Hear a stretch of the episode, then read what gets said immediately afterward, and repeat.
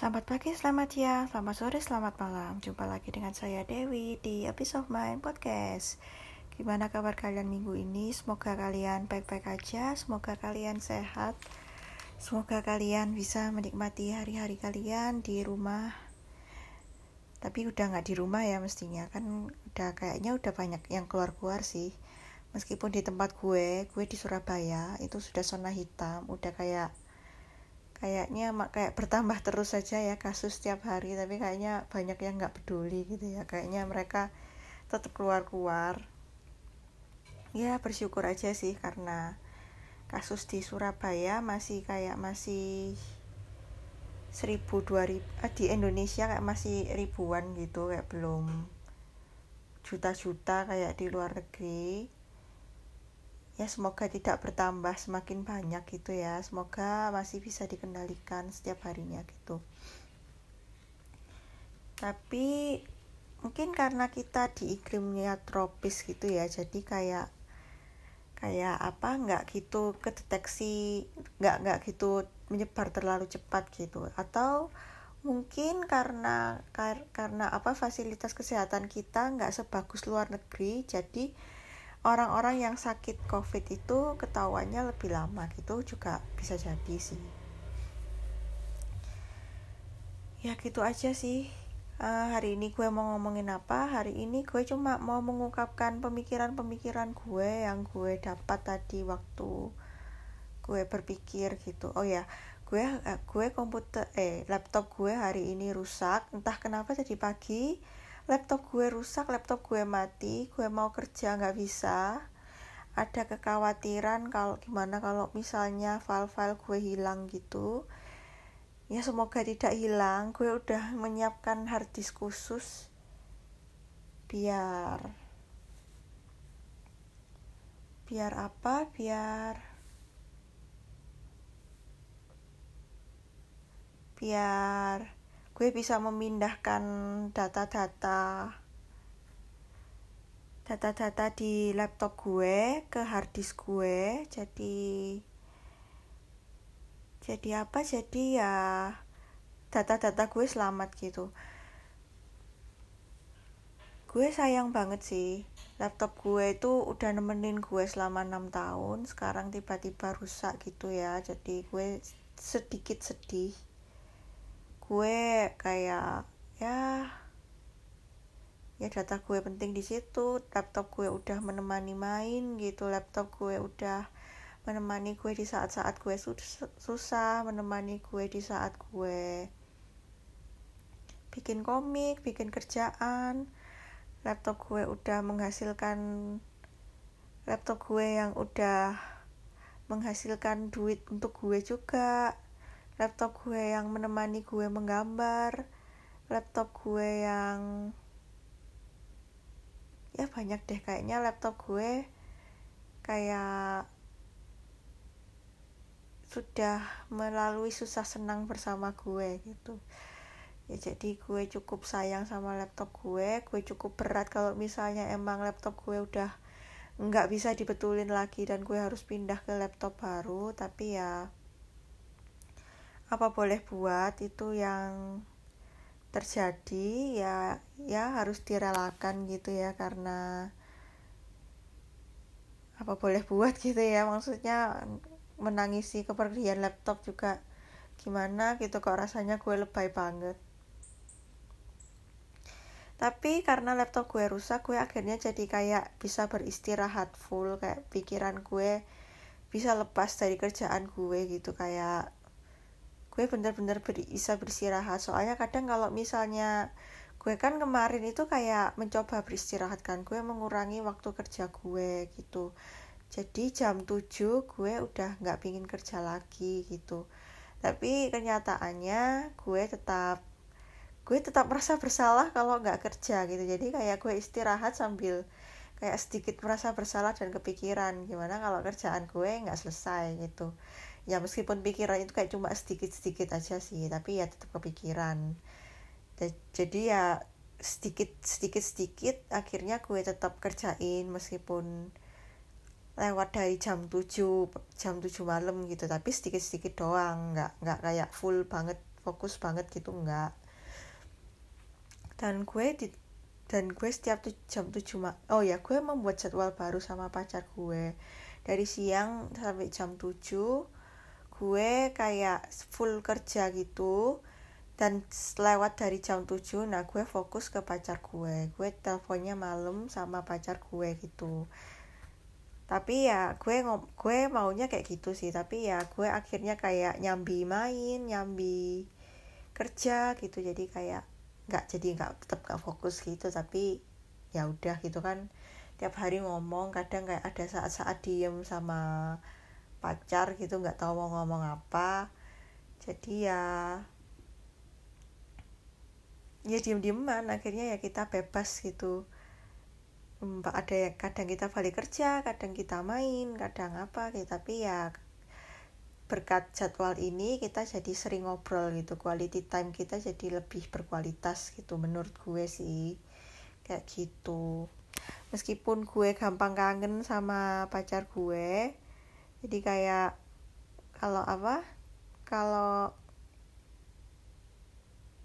kalau eh, kan kan sudah dua bulan gitu kayak kayak kita tuh kebiasaan telepon tiap hari. Bukan dua bulan sih tiga bulan sejak PDKT kita juga telepon tiap hari. Bedanya kalau PDKT teleponnya di grup call. Tapi kalau kalau apa? Kalau pacaran teleponnya di private udah gitu aja sih. Kayak gitu. Jadi ya karena udah kebiasa gitu jadi kalau siang itu jadi kalau nggak telepon nggak ngomong gitu rasanya kangen banget gitu. Tapi ya kayak rasanya jadi orang kok kayak bucin banget gitu bikin telepon terus setiap hari. Tapi ya demi pekerjaan masing-masing agar pekerjaan bisa selesai akhirnya ya kita mencoba tetap menuruti jam apa malam telepon siangnya kerja kayak gitu. Biar pekerjaannya selesai dan quality time-nya lebih berkualitas. Ya meskipun kangen meskipun pinginnya telepon terus tapi ya tapi gimana ya ya demi kebaikan lah akhirnya kita berusaha mengurangi gitu apalagi ya yang terjadi di minggu ini. Banyak sih kayak ada kejadian-kejadian yang membuat gue merasa bersalah ada kejadian yang membuat gue merasa sedih gitu. Tapi ya semuanya gue hadapi dengan berani. Ya jadinya akhirnya gue tetap bisa berdiri sekarang dengan perasaan yang senang sedih khawatir kayak gitu. Tapi ya mungkin ini namanya kehidupan ya. Kalau nggak naik turun namanya nggak hidup gitu ya. Ya meskipun gue tetap mendambakan kehidupan yang tenang gue kaya raya bisa belanja enak gitu gue gue gue pingin juga yang kayak gitu sih.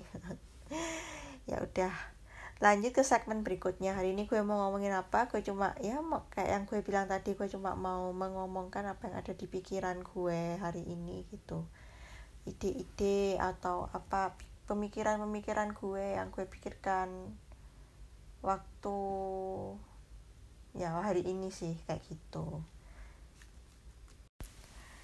gue kayak belum mengatur kata-kata yang baik untuk gue sampaikan tapi gue akan mencoba menyampaikannya dengan baik. Jadi mungkin podcast kali ini akan kayak banyak jedanya gitu mohon dipahami dan mungkin akan pendek banget karena ya emang cuma satu ide gitu yang membuat gue sangat galau hari ini gitu. Satu kayak ya bukan ide sih tapi kayak ya kayak kegalauan gue gitu jadi gue mau cerita sejarah gue dulu sih. Jadi dulu itu gue itu hmm, waktu SD gue tuh anak yang periang. Gue suka ngomong sama temen gue suka cerita-cerita gitu. Tapi karena gue periang gue kayak suka cari perhatian gitu dulu. Gue suka cari perhatian gue kayak berbohong demi mencari perhatian ketika gue menghina-hina temen banyak yang memperhatikan gue gue jadi suka menghina temen gue kayak gitu. Nggak ada tapi ya gue kayak punya banyak temen gitu waktu itu. Meskipun pada akhirnya dan gue tuh melakukan itu terus sampai SMP tapi di SMP itu uh, akhirnya gue sadar yang gue lakukan itu salah. Gue malu sendiri dengan apa yang gue perbuat gue malu sendiri dengan dengan semua perkataan-perkataan bohong gue yang gue lakukan untuk menarik perhatian gitu.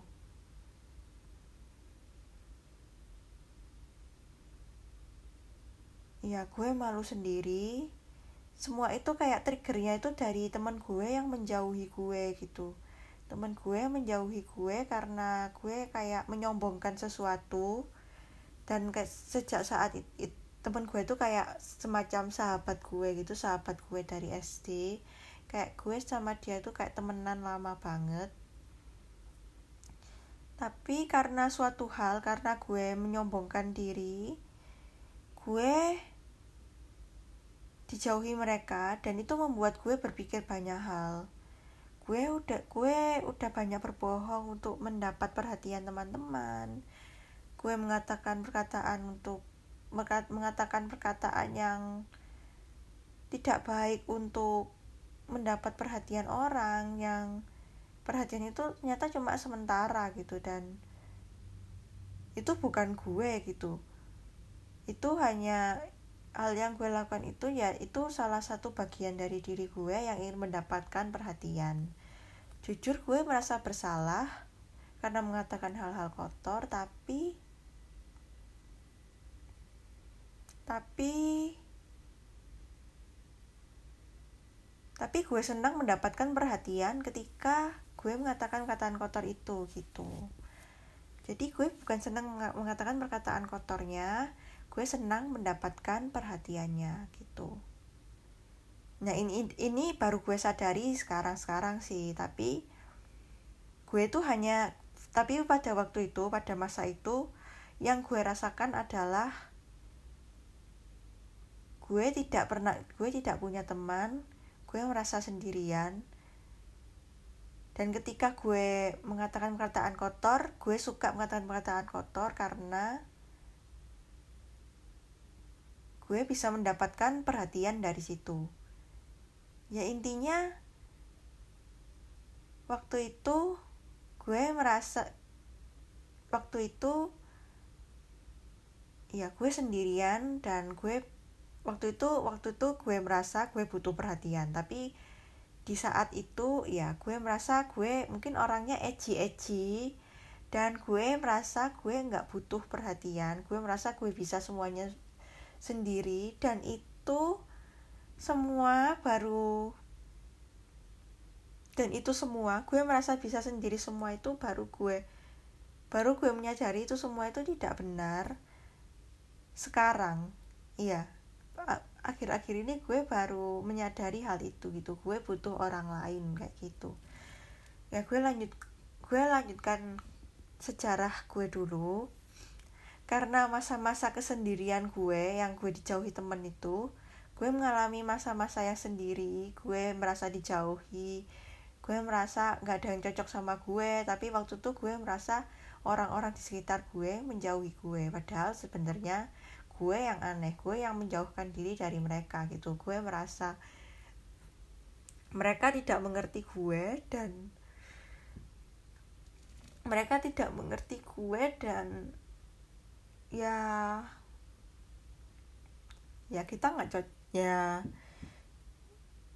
ya gue dan dan gue merasa lebih inferior gitu dari mereka. Makanya gue merasa mereka mengucilkan gue gitu tapi karena gue sendirian itu gue belajar kalau gue itu bisa sendirian gue bisa kuat kalau gue itu sendirian gitu. Semenjak saat itu gue nggak nggak terlalu ngikutin tren gue nggak terlalu ngikutin mode. Padahal waktu waktu gue waktu gue apa waktu gue SD gue kayak selalu ngikutin gitu. Kalau misalnya trennya ngumpulin binder gue ikut ngumpulin binder. Kalau trennya tasos gue ikut ngumpulin tasos. Kayak ya gue selalu ngikutin tren gitu. Kayak gue pingin jadi pusat perhatian waktu itu. Setelah itu um, ya waktu waktu gue sendirian gue kayak merasa waktu itu gue masih ngikutin tren sih. Gue kayak tetap main game online gue juga jadi populer di game online gue berusaha gue juga jadi hebat dan gue jadi kayak punya temen di game online itu kayak gitu. Terus habis gitu ya gue menemukan tempat waktu itu gue merasa gue menemukan tempat di game online. Tapi sekali lagi karena gue ingin diperhatikan gue kayak sok sok sok sok itu sok sok menjauh sok sok nggak pingin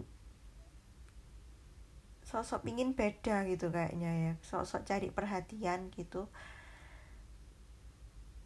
Ya emang sih gue punya temen tapi ya lama-lama temen gue berkurang lama-lama temen gue sedikit dan enggak sih enggak gue kayaknya masih punya temen di situ tapi suatu hari mama apa kayak orang tua gue kayak berhenti ngasih gue uang jajan gitu. Akhirnya gue berhenti main game online. Gue punya internet di rumah dan gue nggak ke warnet gitu. Dan waktu itu gue merasa hidup gue kayak gimana ya? Gue kayak sedih banget karena gue merasa temen gue yang yang cuma ada di game online itu gue merasa orang tua gue merebut temen gue. Gue merasa kebahagiaan gue itu direbut gitu.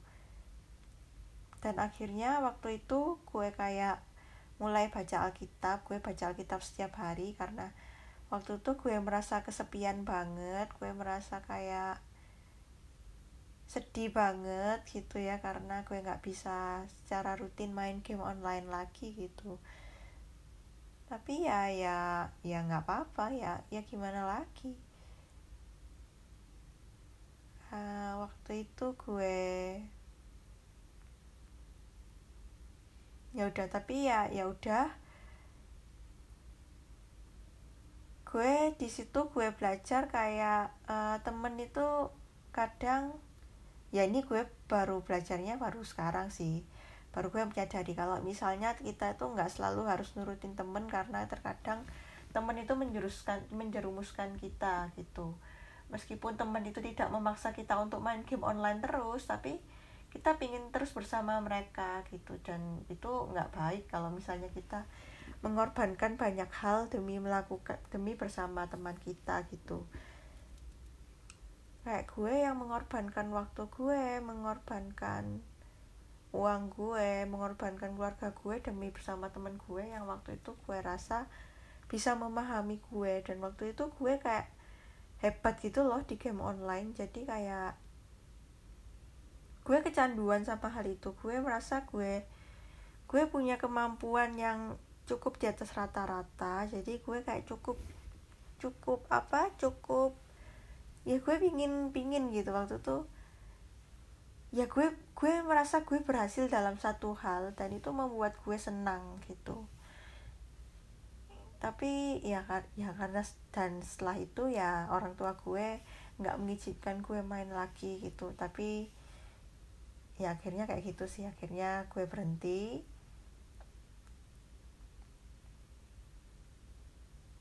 Karena ya itu nggak nggak boleh lagi sama orang tua gitu ya akhirnya gue berhenti. Kayak akhirnya gue nggak seintens dulu mainnya meskipun kadang-kadang masih main gitu. Tapi ya ya udah gitu mainnya di rumah. Ya akhirnya nggak ke warnet tapi mainnya akhirnya di rumah gitu karena waktu itu udah ada udah ada komputer udah ada komputer mainnya di rumah. Gue nggak gue nggak main ke warnet terus karena bisa main di rumah tapi karena bisa main di rumah gue gue jadi kayak mengurangi gitu. Otomatis mengurangi karena entah kenapa kayak gitu ya kayak otomatis kayak gitu aja gitu. Dan alasan lain kak gue gak main lagi karena warnet kesukaan gue waktu itu kayak kemasukan virus dan semua komputernya mati gitu. Akhirnya gue juga jadi berhenti ke warnet juga gitu hmm, ya kayak gitu sih. Tapi itu tapi karena kar, tapi karena gue sendirian dan gue dikucilkan dan perjalanan gue semua itu gue jadi merasa gue bisa menemukan kebahagiaan gue dengan tidak ikut-ikutan orang lain gitu.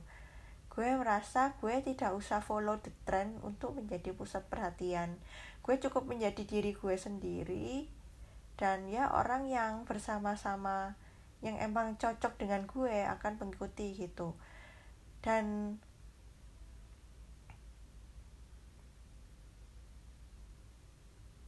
dan ya karena karena kesendirian yang gue alami dan karena kepahitan gue karena nggak bermain game online itu ya gue jadi gue jadi lebih kuat gitu. Gue jadi bisa lebih kuat lebih lebih bisa lebih mengungkapkan pendapat dan nggak nggak nggak apa nggak berani eh enggak maksud gue maksud gue nggak takut untuk menjadi beda gitu. Maksud gue gimana ya? Kalau bedanya dulu tuh gue berbeda berusaha berbeda tapi gue tidak nyaman dengan perbedaan itu. Tapi kalau setelah masa itu gue berani berbeda gue berani mengungkapkan apa yang ada di dalam diri gue gitu. Meskipun banyak orang yang mungkin nggak setuju sama gue gitu. Gue nggak takut dijauhi karena itu karena gue udah merasakan perasaan dijauhi dan ujung-ujungnya gue masih punya teman. Meskipun meskipun teman itu dari game online. Dan karena gue juga udah merasa pernah kehilangan teman dan gue masih nggak apa-apa gitu dan ya gue jadi merasa oh ternyata gue mungkin emang gue itu orangnya sendirian gitu emang naturnya mungkin emang suka sendirian gitu. Dan gue juga saat itu ya gue emang enjoy kesendirian gue. Gue merasa tidak ada yang ngejudge gue dengan pendapat gue. Gue enjoy dengan kesendirian gue. Ya dan gue menge mark diri gue kayak gitu. Gue kayaknya ya emang suka sendiri aja gitu. Tapi ternyata baru-baru uh, setelah setelah dan setelah gue berpikir begitu tapi ternyata gue tetap salah gitu. Gue sebenarnya tetap butuh temen. Gue berpikir begitu karena waktu itu dengan keberanian gue mengungkapkan pendapat gue gue jadi lebih mudah mendapatkan teman-teman yang genuine mau berada di sekitar gue gitu dan gue sangat senang waktu itu tapi gue merasa tapi sekali lagi gue menghancurkannya karena gue overthink gue menghancurkan dan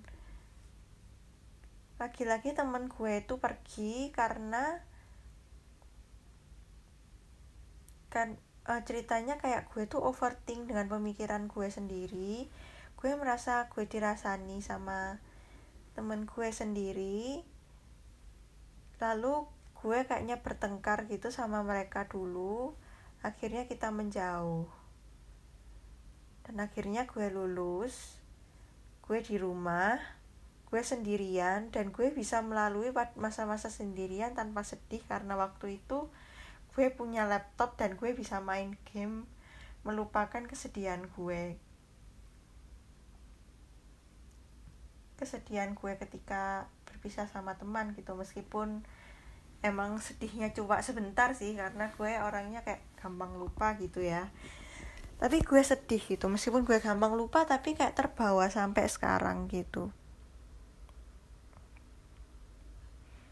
Karena kebodohan dan kepura dan kepura-puraan gue lagi gue tidak bisa cepat berdamai. Karena gengsi-gengsi gue gue tidak bisa cepat berdamai dengan teman gue.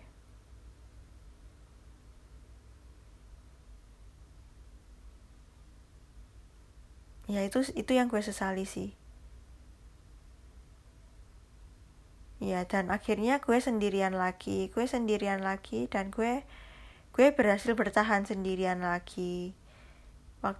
Dan suatu hari gue gue kayak freelance gitu kayak waktu lulus gue nerima dapat kerjaan freelance gitu di rumah. Di rumah gue kerjanya remote gue bisa sendirian. Sekali-sekali gue pergi sama teman-teman gue gitu. Gue senang meskipun gue lebih banyak menikmati saat-saat sendiri. Tapi kalau sama temen gue juga senang tapi kalau terlalu lama gue capek. Nah itulah yang membuat gue berkesimpulan kalau gue kayaknya lebih suka sendiri daripada sama-sama teman gitu. Dan waktu kumpul saat waktu kumpul sama teman-teman saat kuliah juga gue capek kalau misalnya terlalu lama berkumpul sama teman. Kalau pulang rasanya lega gitu. Ya tapi tapi tidak dipungkiri gue senang ketika gue berkumpul bersama teman-teman. Ya sih. Ya udah kan udah masa-masa freelance gue masa-masa kerja di rumah gue gue akhirnya mencari pekerjaan pekerjaan kantoran gitu karena disuruh orang tua gue. Waktu masa masa freelance tuh kayak gue gue merasa bebas banget sih gue bisa menabung meskipun waktu itu gaji gue cuma satu juta setengah. Gue bisa nabung kebutuhan gue nggak banyak. Makan juga dari rumah gitu ya. Jadi gue bisa nabung gue juga masih bisa keluar sama temen-temen gue main board game keluarnya yang hemat-hemat gitu ya. Misalnya ngumpul sama temen atau makan di McD gitu. Nah terus udah kan? Udah masa-masa freelance gue menemukan pekerjaan tetap di kantor. Gaji gue jadi 4, 4 juta lebih gitu ya. Terus setelah semua itu um, di kantor gue disambut baik sama teman-teman gue gue disambut baik sama mereka tapi karena gue itu orangnya emang introvert kayak susah bersosialisasi gitu gue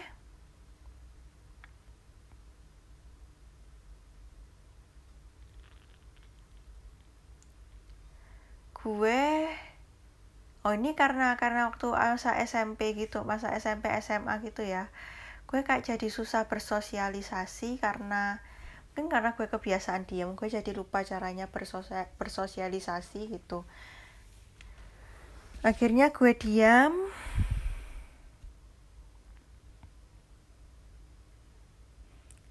dan ya itu mungkin membuat temen gue salah paham sama gue gitu. Dan akhirnya gue punya masalah lagi sama temen gitu. Gue gue cuma bisa di kantor gue gue cuma bisa bekerja tapi gue tidak bisa bersosialisasi dengan baik. Gue dirasa gue merasa gue dirasani sama temen meskipun gue nggak tahu benar atau enggak tapi gue merasa banyak bukti-bukti yang menunjukkan gue dirasani sama mereka gitu. Jadi waktu itu gue cukup yakin kalau mereka merasani ngerasani gue di belakang gitu. Selama dua setengah tahun gue bertahan di situ dengan pikiran gue dirasani sama temen gue meskipun gue berpikiran gitu tapi mereka tetap berperilaku baik sama gue. Jadi kadang-kadang gue merasa kadang gue diterima kadang gue nggak diterima kayak gitu-gitu. Dan pada masa ini ya gue waktu gue dirasani waktu gue sendirian di kantor gue gue merasa gue merasa sakit hati gitu sama sama karena karena pemikiran gue yang gue merasa dirasani gitu. Gue cukup sakit hati dan kesendi dan gue kesepian di kantor gitu. Gue merasa gue nggak nggak punya temen yang bener-bener temen gitu. Gue kangen masa masa kuliah gue ketika temen-temen gue itu gue punya temen-temen gue yang gue bisa ajak obrol yang mau ngobrol sama gue yang mau curhat sama gue gue seneng gitu sama keadaan waktu kuliah. Dan gue gue kangen masa-masa itu kayak gitu. Waktu waktu di kantor ya kayak gitu.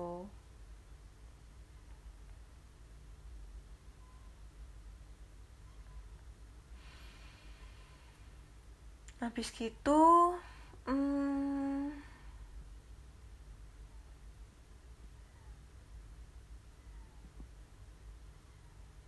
apa ya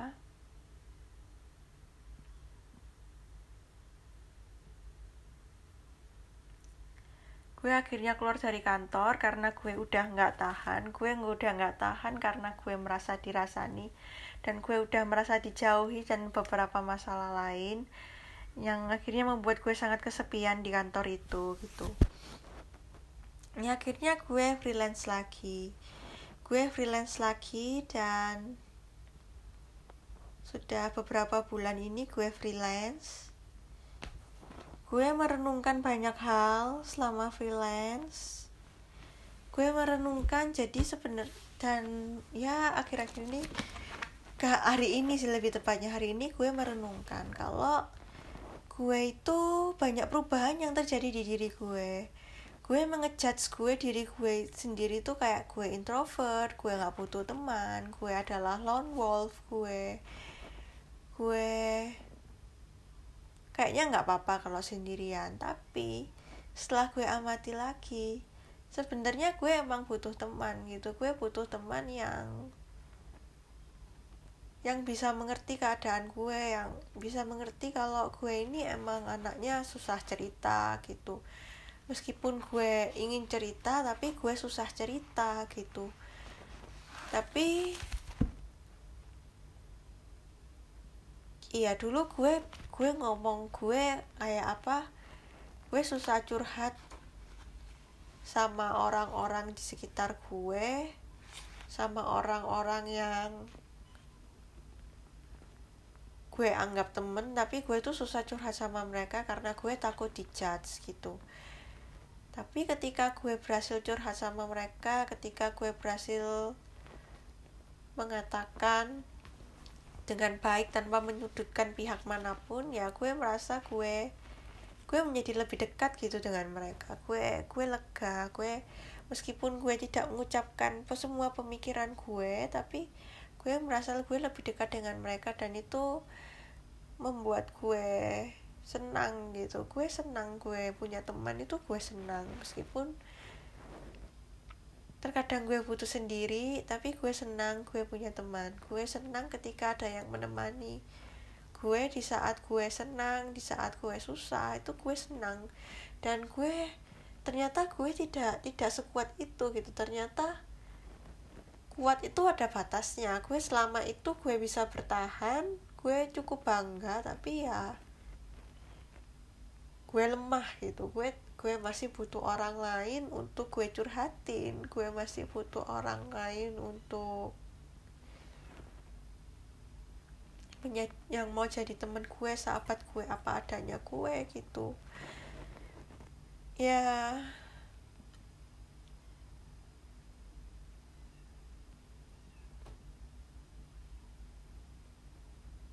Ya gue butuh teman yang seperti itu sih dan ternyata gue tidak sekuat itu gue butuh teman meskipun gue butuh sendiri tapi ternyata gue masih butuh teman.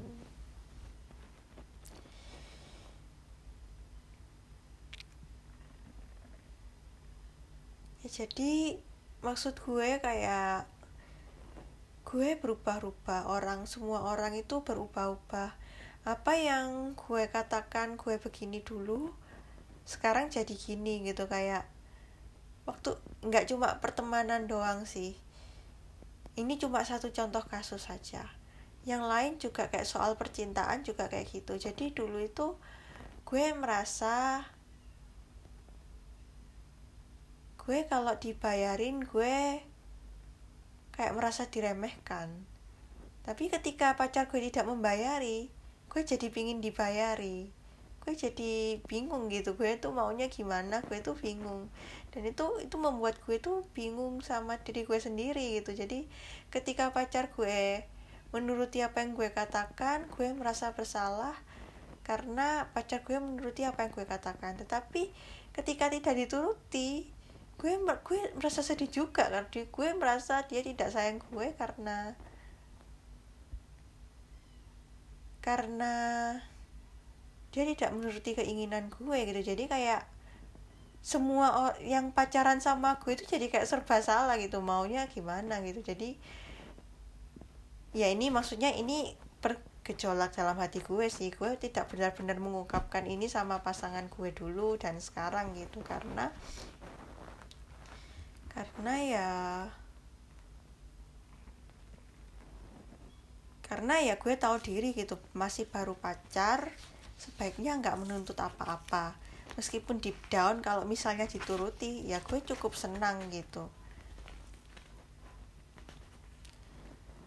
Gue tuh nggak mau pacar gue menuruti gue karena atau membelikan gue barang-barang mahal barang-barang yang oke okay gitu. Karena gue takut kalau misalnya suatu hari gue pingin putus gue merasa berhutang sama dia dan nggak bisa lepas gitu. Meskipun gue misal udah tahu semua tabiat jeleknya dia tapi gue nggak bisa lepas karena gue merasa berhutang sama dia. Gue nggak mau itu. Makanya gue memutuskan tidak menerima barang-barang itu. Meskipun kalau misalnya tidak dibelikan pun gue juga sedih. Jadi kayak gue itu kayak kontradiksi gitu. Jadi gue nggak ngerti sebenarnya gue itu maunya apa gitu. Gue nggak ngerti kayak gitu. Terus ya ya ya apa? Gue gue cuma pingin kayak seseorang yang menerima gue apa adanya gitu.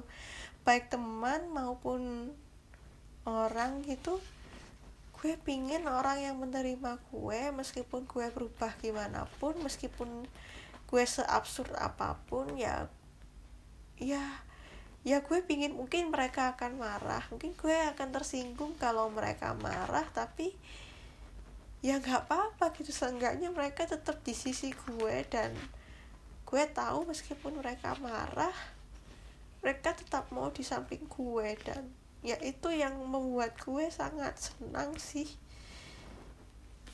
punya orang yang seperti itu kayak gitu.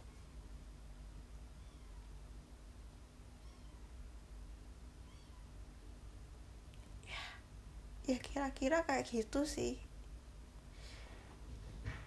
mungkin yang sebenarnya kita butuhkan itu ya cuma kayak orang-orang yang bisa menerima kita apa adanya apa adanya diri kita gitu. Orang-orang yang bisa menerima kita meskipun kita berubah meskipun kita tidak seperti yang kita katakan dulu meskipun kita itu ternyata tidak sebaik tidak sebaik yang kita inginkan kita baik gitu. Meskipun dulu sebenarnya gue begini tapi ternyata banyak keadaan yang membuat gue berubah menjadi ke arah yang lebih baik. Dan gue dan gue mendapatkan pemikiran baru yang sebaiknya gue tidak begini. Dan sebaiknya ada sifat-sifat yang gue lepaskan ada sifat-sifat yang gue pertahankan dan teman-teman gue mau menerima gue yang kayak gitu ya itu sih. Menurut gue itu sedih banget sih. Itu pasti kayak kalau kalian punya temen yang kayak gitu pasti rasanya seneng banget sih dan dan mungkin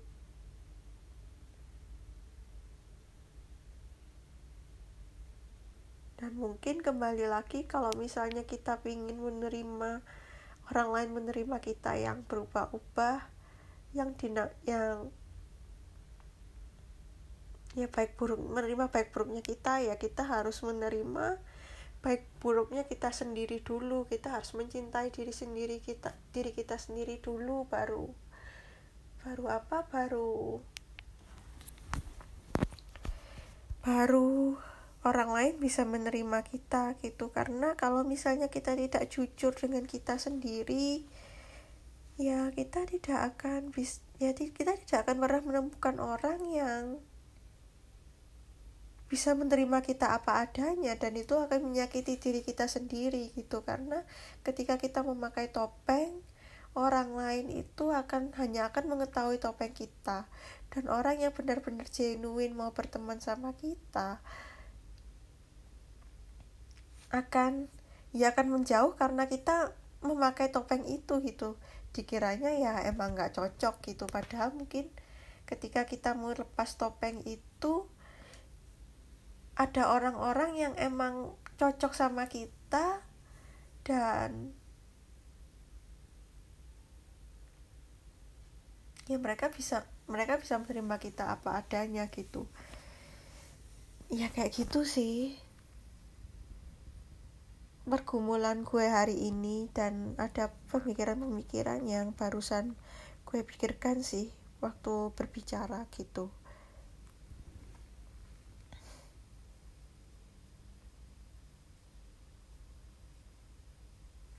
Gue jadi emosional guys. Gue jadi nangis. Dan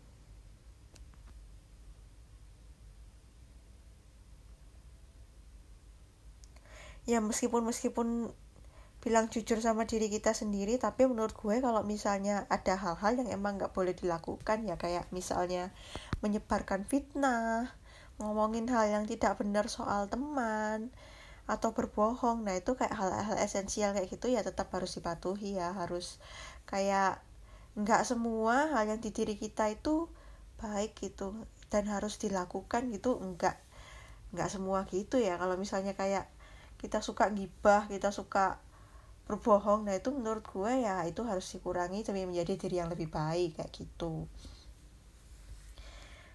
Tapi ya kalau misalnya kita punya keinginan yang berubah kita ingin punya dan apa pandangan kita berubah ternyata dalam perjalanannya kita berubah menjadi orang yang berbeda. Karena menurut diri kita kita lebih bisa cocok ke hal kayak gitu. Misalnya dari yang awalnya kita kutu buku tapi pada perjalanannya kita menjadi orang yang suka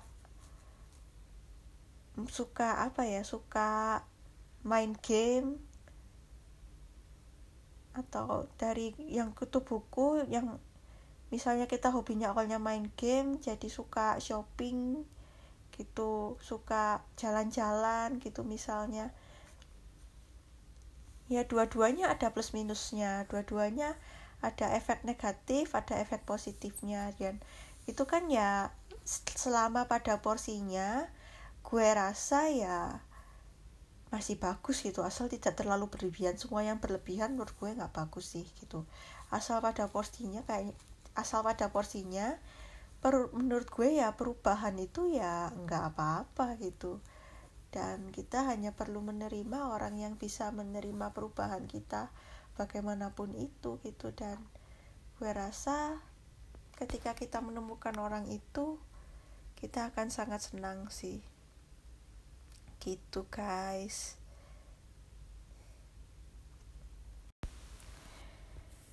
Nah sekian guys curhat gue hari ini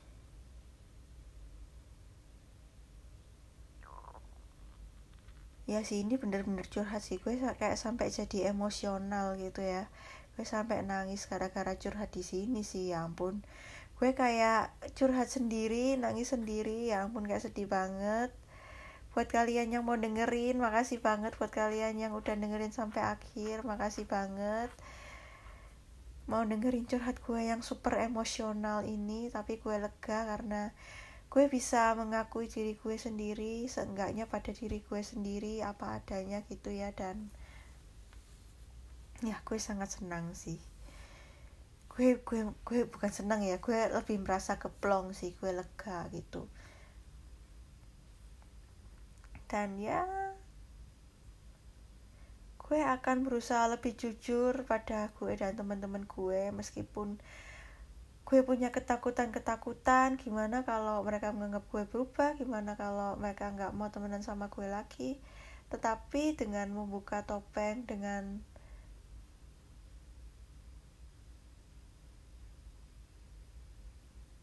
dengan apa dengan lebih jujur lagi gue rasa gue bisa menarik orang-orang yang akan menerima gue apa adanya. Dan ketika gue bisa menemukan orang itu mungkin pada perjalanannya perjalanannya gue akan tersakiti. Tapi nggak apa-apa.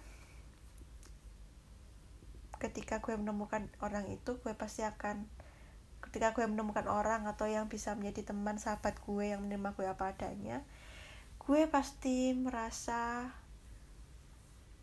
perjalanan dan rasa kesakitan itu worth it gitu untuk dilalui gitu ya kayaknya sekian podcast hari ini. Full curhat sih ya mau kalau misalnya kalian nggak ngerti mohon dimaklumi ya karena gue cerita mungkin ada kata-kata gue yang nggak jelas karena gue ada ada yang gue ngomongnya sambil nangis gitu ya. Ada yang gue ngomongnya sambil emosi dan terbata-bata mohon maaf kalau ada yang nggak ngerti tapi ya untuk yang mau mendengarkan sampai akhir makasih. Tapi yang tidak juga tidak apa-apa. Ya gitu sih. Ya sekarang gue mau tidur dulu karena sekarang udah jam 2 malam udah hampir jam 2 gue udah kayak 40 menitan gitu ya curhat di sini gitu ya ya udah lumayan capek jadi gue kayaknya mau tidur dulu. Ini gue gue gue berharap kalian bisa melalui hari-hari kalian dengan baik di minggu depan gitu. Makasih semuanya makasih udah bersama gue makasih udah ada di terima kasih. Ya pokoknya terima kasih udah dengerin gue ya gitu intinya. Hmm.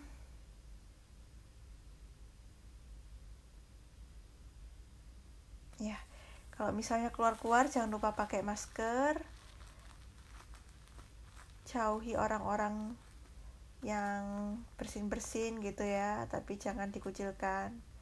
Ya cuma hati-hati aja gitu ya kalau bisa nggak usah keluar rumah biar lebih aman gitu. Ya makasih udah bersama gue makasih udah ada di sekitar gue. Ya ampun kok kok kok gue ngomongnya gitu? Ya buat kalian yang mau jadi teman gue boleh. Kalian bisa ke @dewiwijaya underscore 94 in, in, itu instagram gue kalian boleh curhat juga kalian boleh ngomong juga sama gue. Semoga ada orang yang mau berteman sama gue gitu ya mau berteman dengan apa adanya gue yang seperti ini gitu Makasih semuanya. Selamat pagi, selamat siang, selamat sore, selamat malam. Dadah.